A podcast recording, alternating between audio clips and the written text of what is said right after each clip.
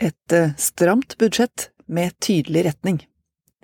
Jeg heter Anne Ekornholmen og er politisk redaktør i Nasjonen. I dag er det 6. oktober. Senterpartiet har satt et umiskjennelig stempel på det stramme statsbudsjettet for 2023. Distriktene skal med. Jo, det var et alvor over finansminister Trygve Slagsvold Vedum torsdag, med krig og krise som bakteppe men det var også gjenkjennelig senterpartipolitikk på menyen. For vel er det dyrtid og bekymring for både lommeboka, næringslivet og sikkerhetspolitikken, men distriktene skal med. Derfor vil regjeringa bruke til sammen 118,2 millioner kroner på personrettede tiltak for Nord-Troms og Finnmark. Det vil si å slette gjeld på studielån og gi gratis barnehage for alle. Det vil forhåpentligvis gjøre det mer attraktivt å bli eller flytte nordpå. Grepet er lokal- og distriktpolitisk viktig, men det å sikre og utvikle det sivilsamfunnet som er nødvendig for et godt totalforsvar av landet, begrunnes også godt i den geopolitiske situasjonen vi står i. Knapt noen i stortingssalen er uenig. Forsvaret må styrkes, og får 6,8 milliarder kroner mer i budsjettet for neste år. I tillegg vil regjeringa bruke 420 millioner til tiltak for økt sivil beredskap, blant annet for digital sikkerhet. Trygghet i urolige tider er mantra. Halvparten av de spurte i en undersøkelse fra SIFO, Forbruksforskningsinstituttet ved Oslo OsloMet, sier at de er bekymra for egen økonomi.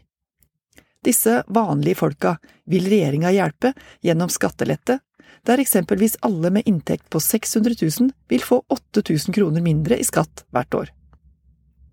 I tillegg senkes maksprisen på barnehage til 3000 kroner, og familiens tredje barn får gratis barnehageplass.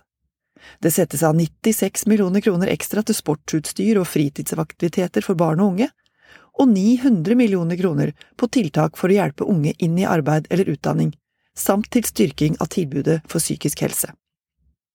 Dette er politikk som vil endre liv, sier finansministeren, og forsikrer at regjeringa vil hjelpe folk også med høye strømregninger så lenge det er nødvendig.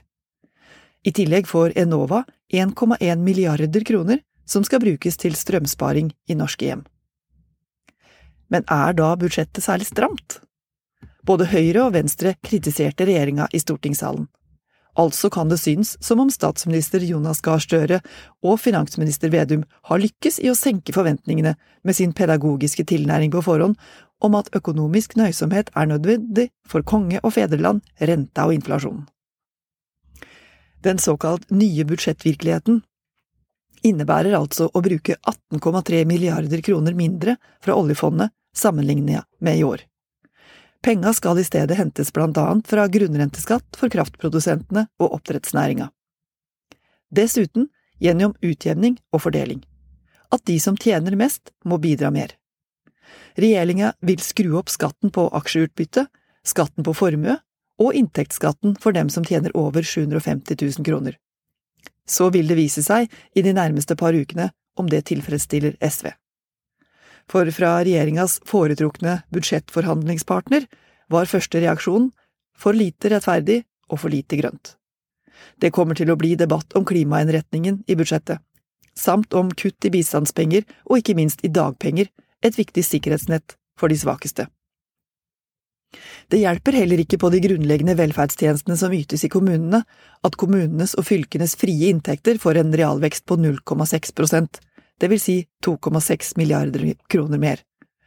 I praksis er ikke dette noen vekst, men sørger kun for at sektoren får dekka økte kostnader ved demografiutvikling og pensjoner.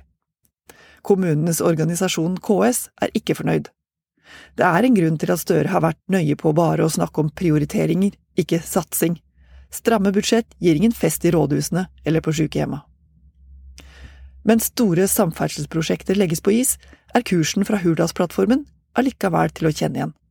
Totalt 57 milliarder kroner brukes på den breie distriktspolitikken, inkludert jordbruksavtalen i vår. Det er en økning på 12 prosent sammenlignet med i fjor.